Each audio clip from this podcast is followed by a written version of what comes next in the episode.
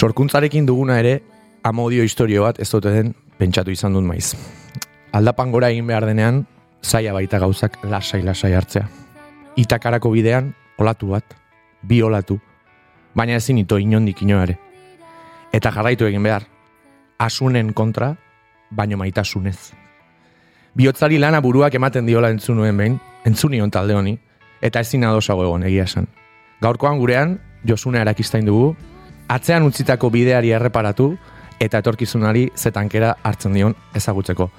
Plazerra zu hemen izatea, Josune, eta mila-mila esker gurekin kafe hartzeko gonbita onartzeatik. Kaixo zue, eskerrik asko gobiatzean. Bueno, sakontzen hasi baino lehen, sakonduko dugulako, zer modu zabiltza azken e, asteetan, eta, bueno, barruan zenuten e, edo sentitzen zenuten erabaki hori gizarteratzean, duela Mhm. gutxi izan da, e, ze tamaina hartu du olatu horrek, ze sentsazio darabilkizu buruan eta bihotzean. Fiskate gora beratxuna belegia zen e, emozioz tope, batzutan, e, batzutan e, ondo, ez, alai, beste batzutan e, arrez, e, txoko danetan, fiskate, bai, e, montaña rusa baten bezala nabil. Mm, Azkenean, e, bueno, e, ez dakit luzea, de, baina esango nuke ibilbide nahiko luzea marka da bat, osatzear e, zaudete, untza taldearekin, beraz esan dezakegu ibilbide luzea dela, okerrez banago lau disko dira ez, edo bost, ez lau ez. Iru luze eta da. txiki motxa bai da. Bueno, baina abesti sorta haundia ere sortu dezu, eta bidea e, luzea egin hasi zinenetik, badira urte batzuk. Ibilbide honi zuk ze diagnostiko egiten diozu nolako ibilbidea izan da orokorren, e, erabili koloreak nahi badituzu adjetiboak, nahi dituzunak, baina, Eh, bueno, e, azkenean, kanpotik perzibitzen den, eta denok dakigu musikan gabiltzanok, kanpotik perzibitu eta barruan bizi denen artean askotan arrakala handia izaten da. Zuk Bai. pertsonaki ibilbide honi ze diagnostiko egiten diozu, nolakoa izan da, zer eman dizu? En, eman dit, en, sorkuntzatik bizi ahal izateko esperantza. Mhm. Esperantza, eh? Esperantza, en, Hasieran zurrunbilo bat bezala deskribituko nundana, e, zu- e, zurrunbilo oso inozente bat, Mhm. em, espero gabe harrapatu gintun zurrunbilo bat, en, zakit, em, ikusten dut, e, oain oso arrotz bezala sentitzen dut gure hasiera. Osa, ez naiz bat ere identifikatuta sentitzen oaingo josune, eta e, garai hartako josunekin ez dakit. Ulertzen dut garai hartako josune, eta badakit, eta sentitzen dut garai hartako josunek ze sentitzezun, baino, em, iruditzen zait hamar urte hauetan pertsona bezala aldatu naizela, e, untzak e, moldatu naula pertsona bezala, eta asko ikasi detela, em, asko bizi izan detela untzakin, en, onak, txarrak, en, zakit, bizitzako oso oso etapa garrantzitsu bat bezala hartzen dut. Askotan nik beti identifikatzen dut eta pentsatu nahi talde gehienak ala sortzen direla, zuena bezala, ez? E, unibertsitateko naiftasun horretan, da. zentzurik onenean, eta e, momentua bizitzea baino ambizio handiagori gabe, eta Hori da, ala Bai, izan da dira. Baino gero etortzen dira profesionalizazioarekin, plazarekin, etortzen dira aipatu dituzun em, esperientzia horiek. Iruditzen zaizu akaso em, olatu handiegi bezala etorri zaizuela plazara moldatzeko eta abiadura hori alderdion bat izan dezake, orain aipatu duzu Bai. bezala moldatzen zaituela eta ik- ikasketa pera ere azkartzen duela. Sentitu duzu noiz baita abiadura handiegian etorri direla lekzio Bai. horiek akaso disfrutatzeko e, tarteri gabe eta orain datorrela irakurketa hori? Bai, guztiz. Osea, em, nik eh, hasierako jirak bai em, disfrutatzen ditu, baino orain benetan ikusita, konz, orain kontziente naiz, hasieran ez nula, ez nula disfrutatzen handiegi etorri zitzaigun dena, em, e, ez genuen kontrolatzen musika mundua. Osea, ginean sei, sei gazte, en, genula disko bat, iritsi ginala estudiora maketari gabe. Diska, osea, diskazo bat, eh? Josune, bat. guazen ondo hitzitea gaur, eh? Gauza diren bezala, eh? Julen, gauza dian bezala.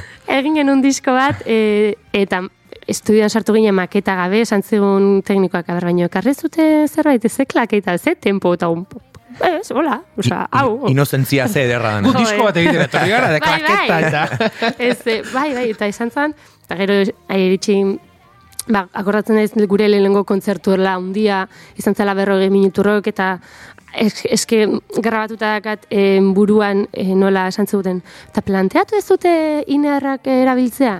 Eta gu, zerti horiek. claro, guk monitoretan egiten genuen, osea, eske ez genuen ezakigun ezer. Ez dakinaren zat, hemen e, juren oikoak izaten dira Inigo Asensio eta biok e, olako sasi ingeles klase batzuk ematen ditugu ere zuzenan. ez dakinaren zat, entzularen zat, inier, e, belarrian, esan nahi du inglesez, eta monitoretzan, ba, lurrean egoten diren, e, ez dakit, monitore oiko hoien ordez, askotan, e, jende askok belarrian jartzen ditu monitoriek, bueno, e, komodidade Bai. eta kalidaderen asuntoan, baina izan hori da normalean, e, josunek esaten zuen bezala, gerora datorren e, e, pauso bat, eta zuei ere hori iritsi zitzaizuen, e, teknikoki ere gauzak e, punta komoduan egiteko Nik ezagutzen Ez, ditut bi pertsona inierrak erabiltzen hasi eta kontzertu bat eman eta pixkat raro nitxoan da zea eta jo konturatu eh, batak bestearen jarri zituela. Ah, bai, vale. azkenan hor guztua gaude, eh? nik ere Zuk ere ezagutzen dituzu, eh? ah, vale. Bai, hor guztuaren arabera izaten da, baina egia da mm, etortzen direla askotan profesionalizazioak bere gain dituen funtzionatzeko modu batzuk ezagunak direna batzuk besteak ez, eta hoiek etorri zitzaizkizuen e, e, uholde moduan ez. Eta adibidez, e, bueno, plazara bideratu zenuten, jardun ere, lehen disko horrekin, eta hau, bueno, nik erantzuna badakit, baina zure gandik entzuna zer du plazak josune? Zergatik, e, ibibide hau zergatik profesionalizatzeko saiakeran gabiltza denok, zergatik dugu esperantza hori zer, e, zuriz plazak zer ematen dizu hasierako e, urduritasun horretaz gain, gainera zu okeraz banago plazan ibilitakoa zera ere, Mhm, Bai. baina kasu honetan untza moduan plazak zer, e, zer eman dizu. E, um, galdera zaila. Em, ezakit, esango nuke jendean aurreatzeko leku bat, bueno, ez, leku bat eman dit e, plazak e, nire musika inalizateko, e, bueno, gure musika inalizateko, e, ezakit, eman dit toki bat nik disfrutatzen duten zerbaitetan disfrutatzeko eta azkenean jo, toki bat izatea eta gaina babesten zaitun e, jendeakin, ba, ezagit.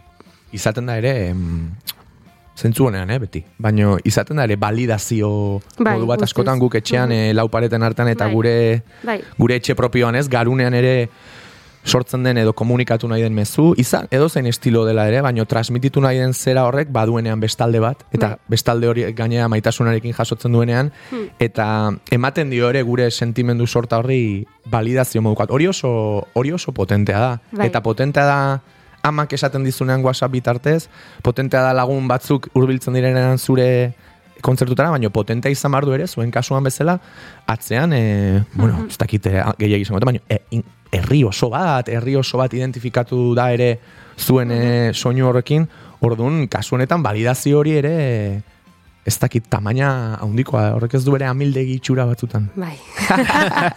Ez que zintzen nuen bete estrela. En, egia da hasieran diskoa eta pro, en, sorkuntza prozesuak izaten diala oso oso barnekoak eta oso oso intimoak eta, Eta ederrak ere, eh? Eta ederrak. Hori, e, ikusleak ez du, ikuslea Bai. emaitzarekin, edo entzulea emaitzarekin gatzen da, baina prozesua ere... Neri pila bat, askotan galdetzen diatenean, zer, zertan disfrutatzen duzu gehien da, jo, esatet, ezke desberdina da, sorkuntza prozesua ezin da konparatu sentsazioakin, e, oholtza gaineko sentsazioakin, sentsazio desberdinak dira, bata da oso intimoa, bestea da oso esternoa, em, baino, beti esatet, beti geratuko naizera ni sorkuntza prozesuakin eta en, evoluzio, sor, sorrun- sorkuntzan evoluzio horrekin. Eta galderai e, helduta pixkat, em, nola zan? Amildegia, Ah, hori amildegia, amildegia, amildegia. bai, hori da. bueno, bai, gehiago da, hori ez, e, presiori gabe izan hori da prozesu kreatiboa, baina bain plazaratzen denean, badago Hori da. tangiblea den zerbait, eta horrek begiak, belarriak, e, iritziak ditu gainean, norberarenak, kanpokoarenak, eta horrek sortzen duen e, pixkat amildegi edo presio sorta Bai. horren inguruan. Bai, eta hori validazioan esan dezuna lehen baita. Em, jo, e, etxean eh, sortzen dezunean hain intimo eta gero ikustean, jo, eh, jendeak, jendeari benetan gustatzen zaiola azkenean zentzu bat ematen dio baita, ez? E, egiten naizea nahi eta esatezu, bale, nik niretzako sortu dut, eta gukuntzan lehengo diskoa benet, e, benetan sortu genula, ba, lagunei erregalatuko diogu, eta ez genuen pentsatzen ez da Spotifyen jartzea. Piskat etxerako, eta gero ikustezunean, jo, jendea gustatzen zaio, plazetan erantzuten dute, ez dakit, iruditzait oso oso, ba, bizitzantan gertaz zaiten poli, gauza politenetariko bat dala. Ba, aldi berean, eta askotan pentsatu dut ontaz, em, lehengo diskoaz egin genula bate aurreritzi gabe, bate presio gabe, e, inozentziatik, eta askotan izate izan dut beldurra, lehengo diskoaz e, ba, Osterako guztia. Osterako guztia. Ez ote dena inozentea izan, ez? Hori da, bai, bai. Eta, eta ez alde, ez, ez ote duten gehiagi pentsatu sortzeko mo- momentuan, ez Mhm. ote duten buelta gehiagi eman. Ez oten agon bildurrak am, e, amildegi hartzean agolako konstantemente eta erortzeko, eta eta lasai-lasai izan zen e, sentsazio horrei ere erantzuten sortu nuena, osea, sortu nuen letra, horre sentsazio horrei erantzuten da guztiz. Osea, da, em, jo, emozionatzen naiz, baina eske, Emozionatu, emozionatu, Bai. gure bai.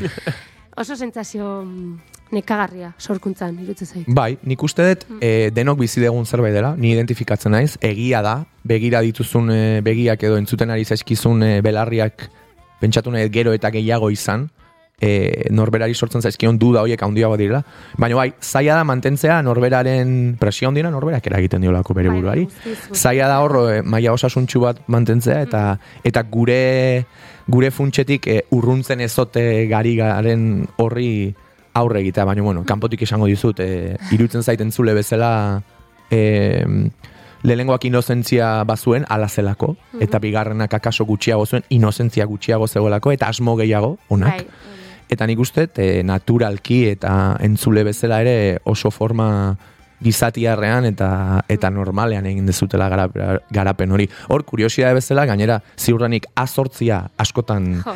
egingo zenuten, joku bat planteatu nahi nizun.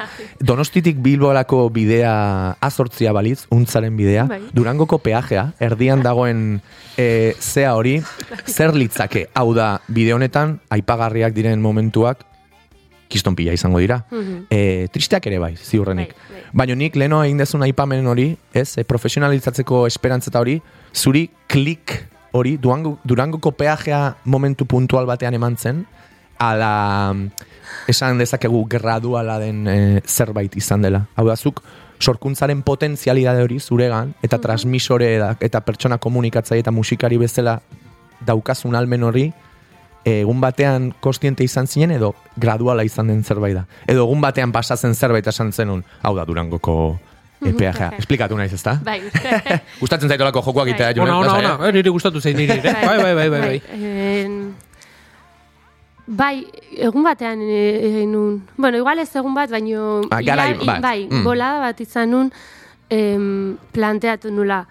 Bitu josune, em, zure bizitzan nundik nahi duzu jutea, benetan zer da nahi duzu nahin, em, jo, ezagite, esunen lehengo abestia atera nunien, beti bueno, esalditakoa da eta gu kuadrian erabiltzen duguna behin bizikota, ez? Eta beti txorra da bezala hartzen, "Venga, behin bizikota, eta jo, irutez egiten baita, ez nitzala oso fiela nere buruai baita behin bizikota, eta hain ziten gauzak, ba, benetan, igual, ez diaten hain beste betetzen, edo, zakit, eta ordu horri izan zen, josun, igual, sorkuntzatik aldezu bizi. Eske orain, e, untzan ibilbide ia guztian, ez dut planteatu ere e, un, musikatik bizitzea.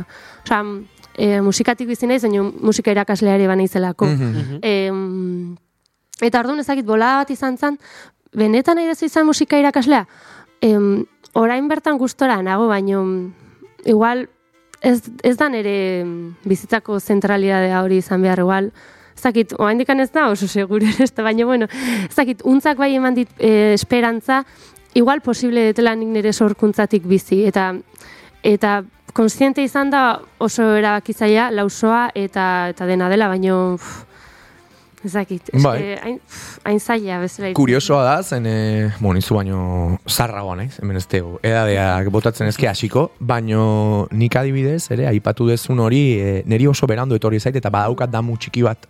Hau da, bizitza osoan zerbait egiten egon izana, baino bizitzan hori zentralizatu nahi dezunaren ideia edo kostientzia hori, niri durangoko peajea iritsi zait hogeita amairu urterekin.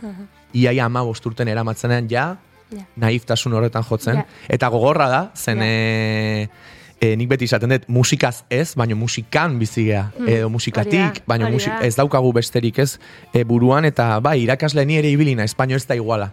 Ez da iguala irakasten ibiltzea, edo norberak bizi dituen e, bizipen Ja. horiek sormenaren bitartez e, kronologizatzea ez, eta orduan, e, bueno, identifikatzen naiz zure sentsazioarekin. Posten hau gainera ere e, jende gazteak nire horrela naiz, baino...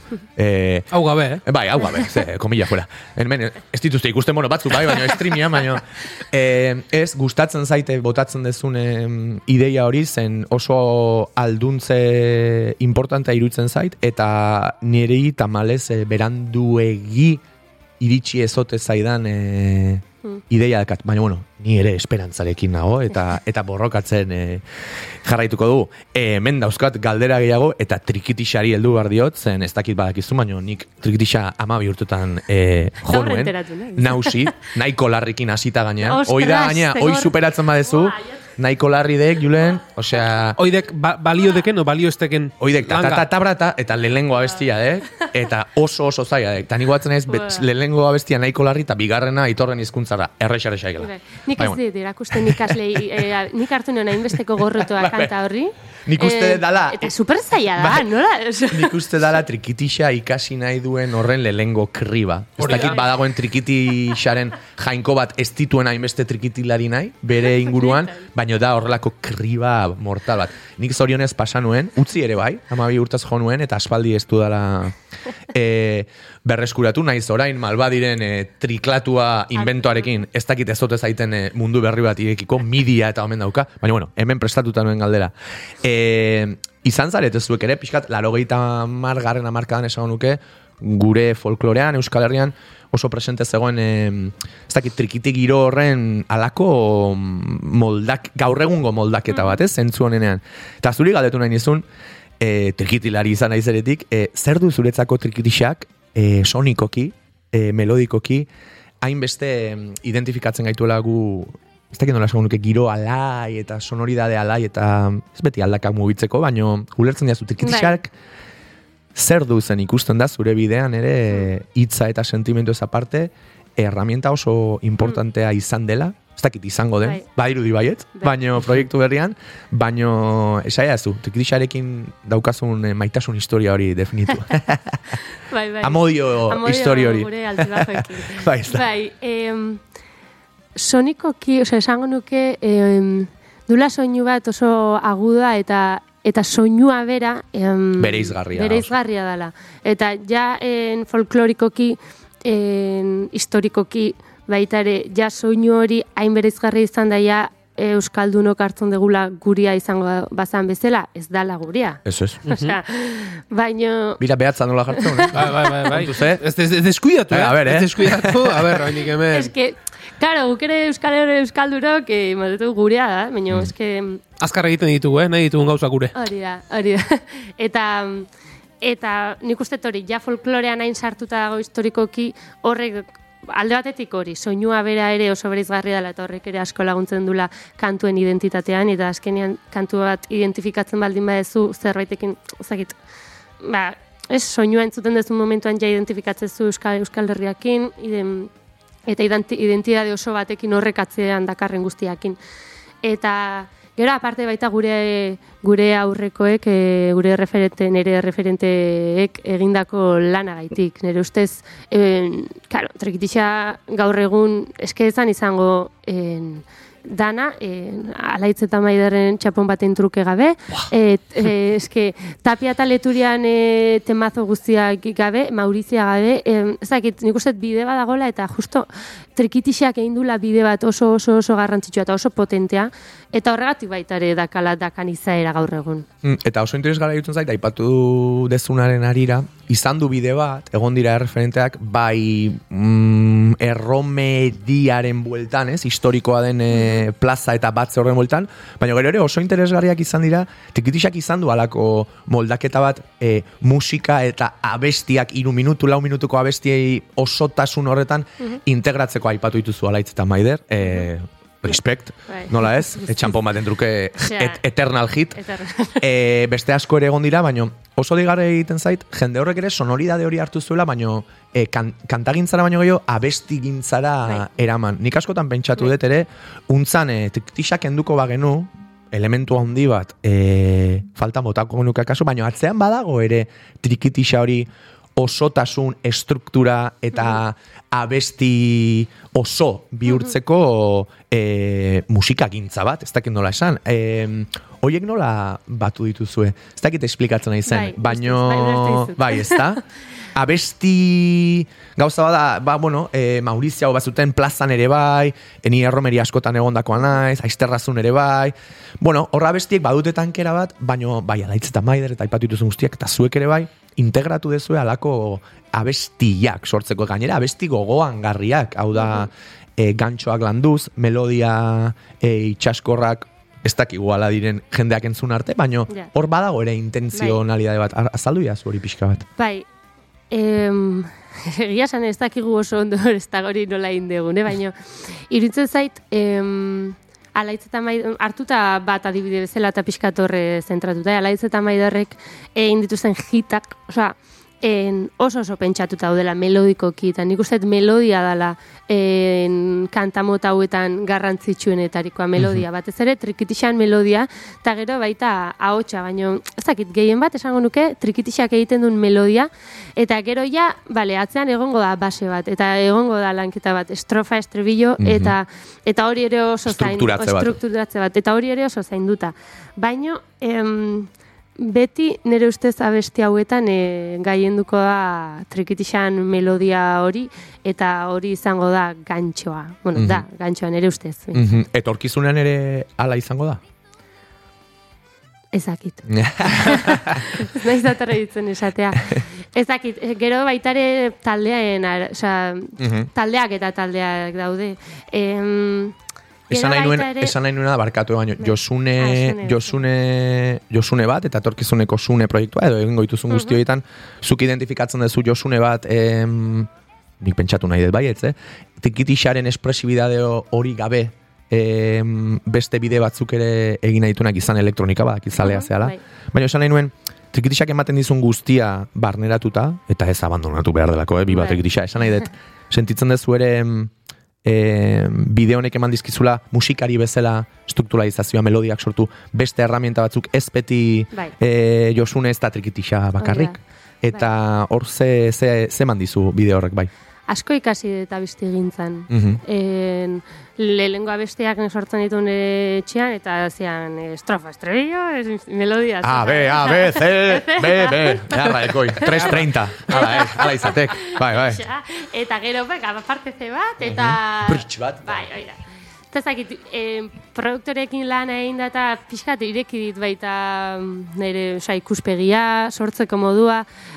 Askotan baita konstiente izan da jo esatet, eh, esaten nun. Ez ote nahi zen pixkat desbideratzen nahi, em, burruka hortan hau konstantemente baitare galdetzetelako nire buruai, em, joe, a ber, Josune, nora nahi zu iritsi trikitixakin? Zer, em, zer nahi dezuin trikitixakin? Askotan bildurra mateit baita, em, ez oten abilen e, nire em, trikitixa tradizionaleko, oza, nire jos, Mhm. Josuneren trikitixa tradizionaleko partea ahazten orain suneren etapa batzutan, Orduan, pixkat hor dakate burruka, oza, seguru naho trikitixakin jarraituko etela, baino, pixkaten, zematen du baita ere askotan e, trikitilariok enkasiatzen gaituztela, Mhm. trikitilari bezala, eta Hortik ni joan bai. Bai. Eta bildurra eukitzen dut askotan, ba, ez, trikitilaria za, eta ezin, como ezin dezula abesti bat trikitixa gabe, eta eta en, askotan iritsi zaizkit, e, ba, en, Elto Sarmientokin orain kola, kolaboratu dut Mhm. abesti batean, eta ez daka trikitixarik. Badago trikimidi hola Mhm. sutil bat, baino Eta komentario asko iritsi zaizkit, e, jo, e, eta trikitixa, eta non dago trikitixa, da, josuz. Osea, ematen du batzutan, e, naizela josune erakistain trikitilaria, eta punto. eta nire bura nahi pixkat hortik aldein du baita. Hori jendearen eh, aurre iritzia izaten da, ez? Bai, Trikitixa guztiz. balin badago, dagoelako, ez balin badago, ez dagoelako, eh, Bai. iritziak iritzi, eh, ezin inora iritsi, beti izaten denik. da. Guztiz. Baino... Josune izan, eh, untzako Josune. Bai, eh? bai. Josune ez, untzako Beti Josune. izaten da. Baina nik ikusten dute, e, irutzen zaite ignorantzia punto txiki horri gaientzen zaion edo nork ikusi dezakela Bai. zure atzean badagoela musikari oso bat, instrumentoa lagun izan duena eta erreferente, baino ez e, nire ustez mugatzaile, eta hala izan dadila. Esken nire iritzen zait, e, eta trikitixak, e, nire ustez trikitixa munduan klabe handi bat izango da, em, usten duten jendeak, publikoak orokorrean, e, usten dionean trikitixari, trikitixa ikustea zerbait zentrala bezala da. Em, beti da, eta untzan ere horrela da, en, ni trikitilaria, eta zerbait zentrala bezala, hau da, em, ez dakit, trikitixak ditu pila bat bide, ditu em, ba, estilo askotako bideak, baina em, sareatu behar gara, eta nik uste eh, lana dagoela hortikan baita, em, trikitixa beste bide batzutara emateko, ze, osea, zabaldu behar da niztasun egon behar da baita instrumentu baten barruan enkaseiatu gara. Bai, banik eh, esango dizute, eta pelota egiteko inolako beharri gabe, irutzen zaite kostienteki edo inkostienteki, baino lan handia egin dezuela ere tradizioari oso lotuta dagoen eh, instrumento bat gaurkotzen. Mm. Eh, instrumento horri ere abesteko moduko eta eta zen olako abestiak em, sortzeko bide bat ere egin dezuela. Jendearen pertzepzioaren aurka bidea beti izango da luzea. Hoi da. baino irutzen zaite ez daukagula gure asmo honenetik egitea Mm, besterik hori da. eta eta bueno, e, bi bazuek trikitixari bere e, plaza, bere abesti girori e, eskaintzeagatik. Kantagintza eta letragintzaren eri bastante gustatu izan zaizkit betidanik, eta untzan ere bai, atzematen da e, kantagintzari, letragintzari, ematen diotela e, garrantzi hori, esan behar denari eta esan behar den horren e, nolakotasunari ere bai, eta bueno, esan bezala, hitzak maite dituen honen kuriosidadea asetzeko, galdetu nahi nizun, e, ardura horiek nola banatu dituzuen, pixkat badakit, off record, baino, eta zein asmorekin hau da, trikitixatzit egin dugu, sonikoa den hori, baino pixkat untzaren bihotza ezagutu nahi dut, eta letraen atzean dagoen asmoa, em, nola planteatu dezu hori, zer esan nahi izan du untzak eta batez ere, nola bereiztu dituzue akaso bizitza ospatzeko, barra bizitzaren inguruan zati tristeago horiek, e, ez dakit, alaitasuna eta tristetasuna dikotomia hori oso funtsezkoa da, bai. baina ulertzen diazu. Bai.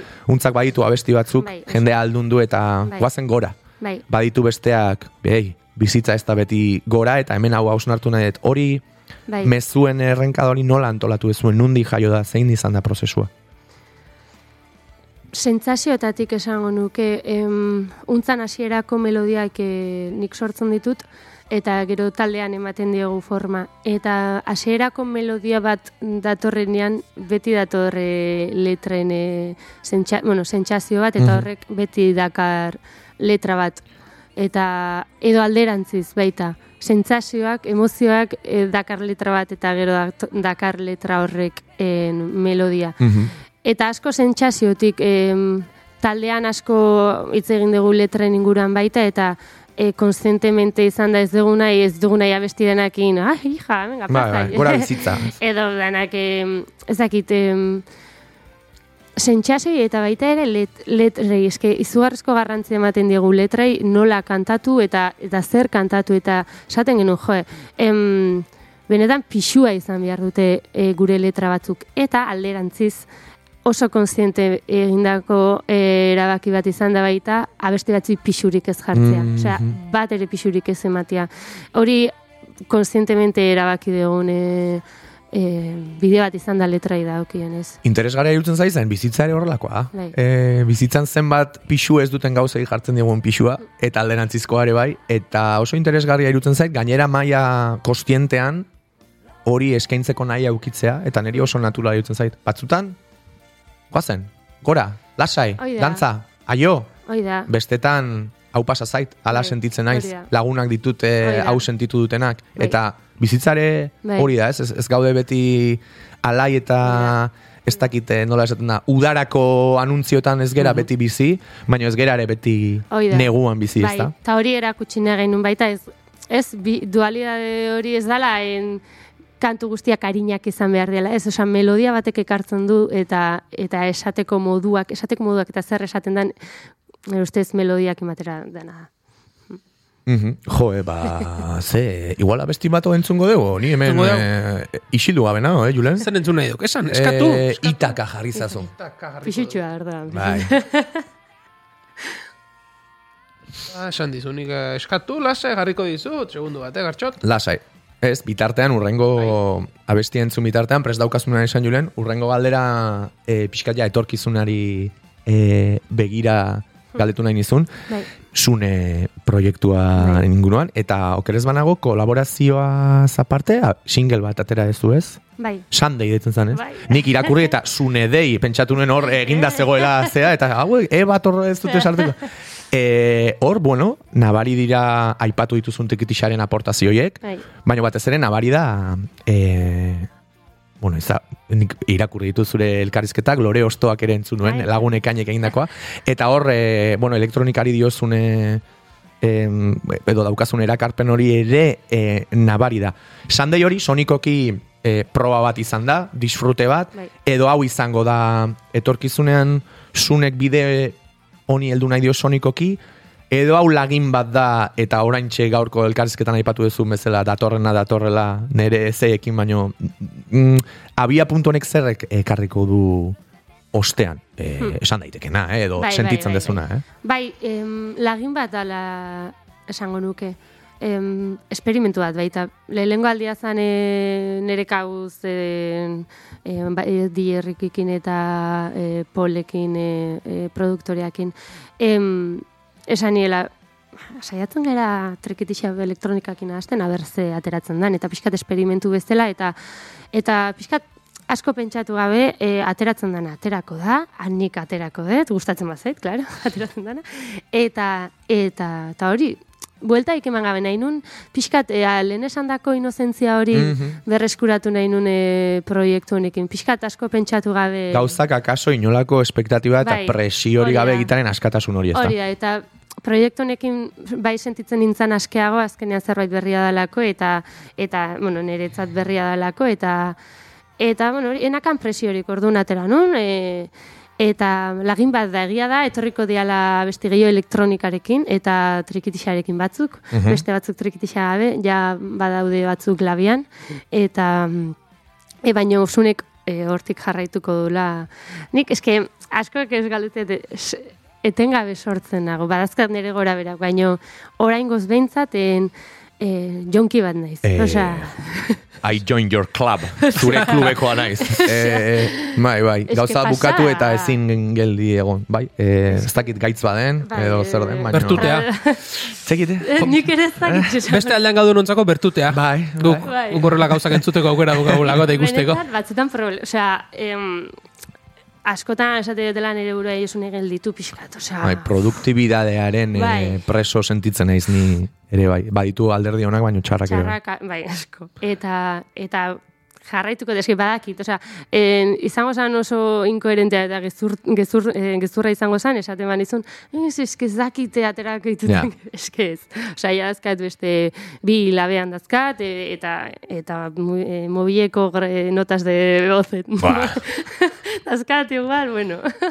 Bueno, eh, esan daiteke behintzat, izan elektroniko, eh, izan tekitisa, behintzat zure sorkuntza guztiak orain zuneren baitan izango duela irtera hori, dagokion denboran, Hori eta da. abiadurari gabe, Hori da. baino orain zure espresibidadea eh, personala lehenetxiko ez dula proiektu. bai, hori da. Oso, ondo, ba, azkeneko galdera baino lehenago, igozak eh, volumena, aguritaka entzungo dugu untzaren temazo bat, eta gero, ba, azken galderarekin. Bueno, esan behar da, kaizgoik etxean letra. Da. Ah, hori, aipatu, aipatu nahi nuen, baina jarri zazuta gero ingo eh, ingo ditu hitz pare bat.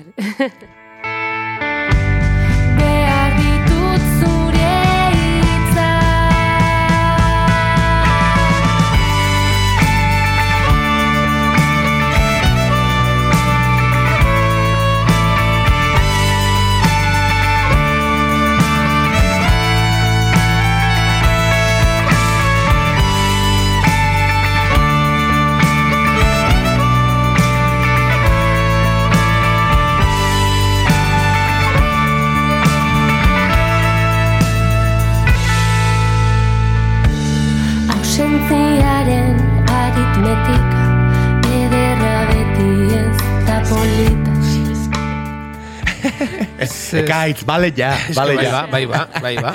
Hemen ari gea, e, ekaitz goikotxeak untzarentzako aguritaka kantuan egindako letrarekin flipatzen, lehengo esaldia bota eta ja, boa, esan dugu. E, Ofreko hitzain dugu pixkat, eta naiz hasiko hemen ekaitz goikotxea zenbat maite eta baloratzen deten esaten, e, Josunek ere ziurala egiten duela biztan da. Em, hemen galdetu nahi nizun, ez dakit, e, zuk ze ikusten diozu, ekaitz goikotxearen e, sortzeko moduari, eta zergatik integratu nahi izan zenuten, zure, zuen taldearen e, mezugintza horretan. Aske, askotan, kolaborazioak oikoak izaten dira musikagintzan, Hmm. baina normalean ahots bat eskatzen diogu beste bati, edo koro bat, baina hemen nabari da, ekaitzen bihotz zati bat eskatu zeniotela, Bai, bai. eta, bueno, maia handian eman zizuela, gaia ere, e, esan Bai. genezake sensiblea dela, sakona dela, Bai. mai gainean jarri barrekoa, Bai. eta mm, galdetu nahi nizun, pixkat, mm, aber ondo biltzen deten, eh? azken galdera bezala baino. Ekaitz goizkotxea abia puntu hartuta, Euskal Herrian komunitate txikia gera, kompetitibidadea handia da musikan, baino pixkat aldarri bat bota nahiko nuke, bakarrik ezin da, Bakarrik ez. bildu behar gera sorkuntzalen mailan jarri nahi duen jendearekin, eta aritu behar gera, gure esperantzetan eta gure ilusioetan alden moduan. Baina nik aldarri bat egin nahiko nuke, elkarlan egin dezagun, e, babestu gaitezen, eta ez e, teiatupe berean odeiek esaten duen bezala harriak bota, teiatupe igualean bai gaude denok, kondizio ezberdinetan akaso, eta pixkat zure hausnarketa batekin bukatu nahiko nuke hemen inguruan ekaitzen gandik e, hasita urkoa edo laguntasun horrek eta ze garrantzia izan duen bidean, nola ikusten duzun zuk eta zein izango duen e, etorkizunea. Em, ekaitzetik hasita, em, bueno, bere letrak, bere bertsoak irakurri nituen lehengo momentutik en, ikusi nun zerbait berezia.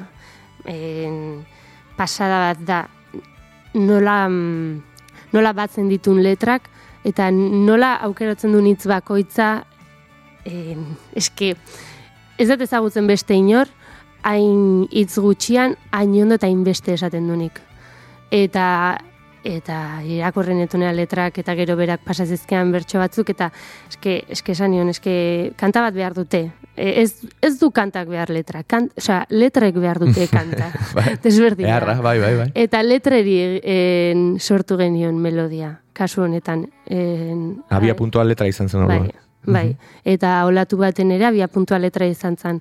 Em, ez dakit, nik behintzat oso garbi eukitzen dit, letra, letra ikusten detenean, irakurtzen detenean, en, transmititzen deanean zerbait letra, osea, badaude esaldi batzuk, badaude idazteko modu batzuk, en, neri, Ikutzen E, zaituztenak bai, bereziki. ikutzen dautenak eta eta egiten dit buruan klik eta esaten, Mhm. hau da. Pe, Durangoko peaje bat, bai, txikitak. hortxe, hortxe. Eta ekaitzekin, ekaitzen letra pila batetan pasa zaitori eta zakit, irutu zait asko indegula bat sortzeko moduan, e, ondo konpenetratu gela, eta bueno, e, admirazio, e, Absoluto. absoluto eterno handi bat. E, eta bueno, galdera, funtxera, funtxera junda. Em, esan dezun bezala, irutu zait Euskal Herrian urkoa oso oso garrantzitsua dela musika munduan. Eta bueno, sorkuntzan maila guztitan e, babesa izatea el, elkarrekin batz, batzea e, hain, hain komunitate txiki iruditzen zait hain garrantzitsua. Baina aldi berean em, jo, ikusi dut e, bideo honetan gauza itxusi asko gauza itxusi asko eta ez dakit pentsarazten dit en, hain komunitate txikia izan da, bai lagundu behar gea, baino ikusten dut e, kompetite- kompetibidadea geroz eta latzago bezala. Ez dakit, Zekenagoa ere, bai. Bai. Em, ez dakit, kanpotik ematen du eta askotan irutzen zait Euskaldunok ematen dugun itxura dala eta eta ez dakit akaso nik eguntzak igual emango genuen, baina ez dakit.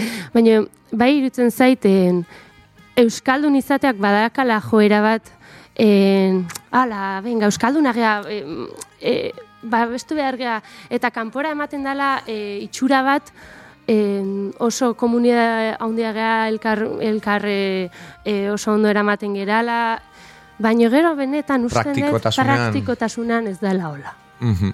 Ez dakit igual gogorra da esan detena, baina Bueno, hausnarketa bada eta eta izango du errealetik ere bai, zuk ala Bai. bizi ber, izan badezu. bai. Noski baietz nik ere ikusi ditut egoera horiek, baino biztan da eta bizitzan uste dut e, filosofia bezala ere e, zekentasuna identifikatza importantea dela. Eta bizitza Bai. ere bai. bai. Zorionez eta gaurko elkarrizketan argi ikusi da bestelako asko ere da, hori- bizitakoa hori- zarela, baita ni ere. Bai.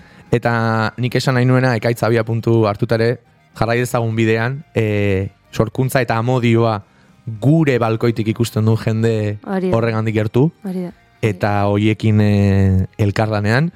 Nik pertsonalki onena opa dizut bai zuri, Xune, eta shoutout hemen eh, untzako beste taldekidei ere bai, beraien em, etorkizunetan, eta bazurea besti berriarekin e, despedituko ea gaur, egia esan, elkarrizketa oso mardula eta Bai, bai. eharra izan da, ni bost egun egongo nintzake izketan julen. Ni ere bai Eh, hemen entzuten, eh? bai, bai, bai, Oso bai. gustora nago, eta jun ere uste dut, antzeko ez da june? Bai, bai, ni hemen zuei. Bai, zuri ere gure gonbita onartzagatik. Hemen entzungo dezue Sunday, edo Sunday baldakik zerteken julen. Ni herri txiki bateko, no? Baina uste jat igandea dala, eh? igandea dala. bai, eta igande batzuk ere izaten dira bizitza bezala e, eguzkiz pizbeteak, igande batzuk izaten dira eh, Bai. Ai, e- hala modukoa. eskaxagoak, Bai. baino sorkuntza bezala bizitzare balantza bada, e, bietatik bizi izan duzu eta biziko duzu e, Josune, baino segi sortzen, segi sortzen e, maitasunetik, segi sortzen ere bide hori bizibide bihurtzeko esperantzatik, e, Hoi da, hoi da. eta eta animo, segi abestiak sortzen, zen hemen behintzat entzule fin bat eukiko duzu e, beste aldean. Eskerrik asko zuei, elkarrizketa politia. ba, hemen txedakazue Sune proiektu berriaren, Josune Erakiztainen proiektu berriaren, Sunday abesti izarra.